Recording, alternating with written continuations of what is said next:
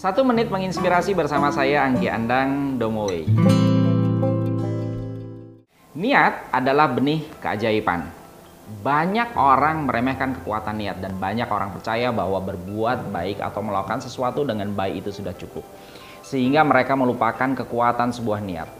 Sobat Domo, niat yang baik sebenarnya merupakan suatu bibit keajaiban. Jika niat Anda baik, insya Allah Tuhan akan mewujudkannya buat Anda. Mungkin tidak segera tapi pasti.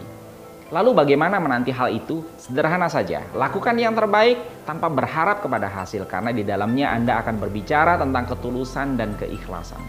Dan Anda tidak akan mudah kecewa ketika sudah melakukan yang terbaik tapi hasil tidak seperti yang Anda harapkan.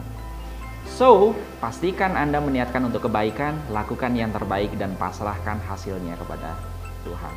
Just stay positive, don't worry.